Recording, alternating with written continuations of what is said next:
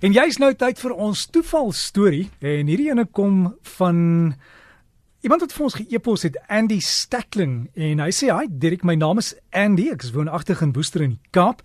My oorlede vader was die middelkind en sy twee susters het in 'n klooster in Durban hulle geboorteplek gewoon. Met die uitbreek van die Tweede Wêreldoorlog was al die jongmans opgeroep en my vader is Duitsland toe om daar te gaan veg. Nou drie oorlog tot einde kom en hulle met hulp kon terugkeer na Suid-Afrika toe het my vader in die Kaap gaan woon, daar van die skip afgeklim en homself later in Rondebosch gevestig waar hy getrou het en twee kinders is uit die huwelik gebore. En hy sê my vader het ook 'n ambag aangeleer in die boubedryf. Na 'n paar jaar in die huwelik was dit op die rotse en my vader het 'n koers gekies binneland toe en in Woester geland. En is hier waar hy my oorlede moeder ontmoet het. My vader was die eerste lewensredder by die plaaslike kleerling swembad en hy het later by die poskantore werk as 'n posbode gekry. En na 'n paar jaar het my vader 'n werk op die destydse Suid-Afrikaanse spoorweë en hawens gekry met 'n huis ingesluit en hulle het op Godini weg gaan woon. En dit is waar my suster en ek en 'n jonger broer toe gebore is. Van die voordele was dat my vader toe een keer per jaar gratis treinrit kon kry, dit was daai daai pas wat hy gekry het, die treinpas. En hulle kon na enige plek ken van reis en van selfsprekend het my vader besluit om sy susters in Durban te gaan soek.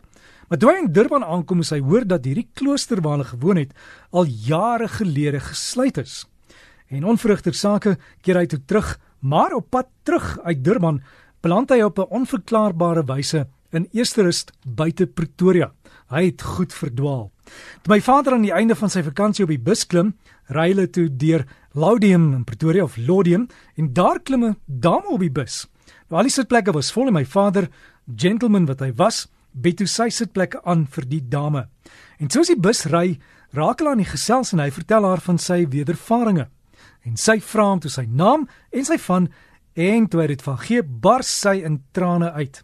Omdat die van so uniek is, en net aan ons familie gekoppel is, het sy onmiddellik geweet hierdie is haar broer. Hulle het by die volgende stop afgeklim en die volgende bus terug Larium toe gehaal waar sy hom toe aan haar man en haar kinders gaan voorstel het. Dieselfde dag het hulle toe deurgery Johannesburg toe waar die jonger suster gewoon het. En daar het my vader toe besluit om nooit weer van sy familie geskei te word nie.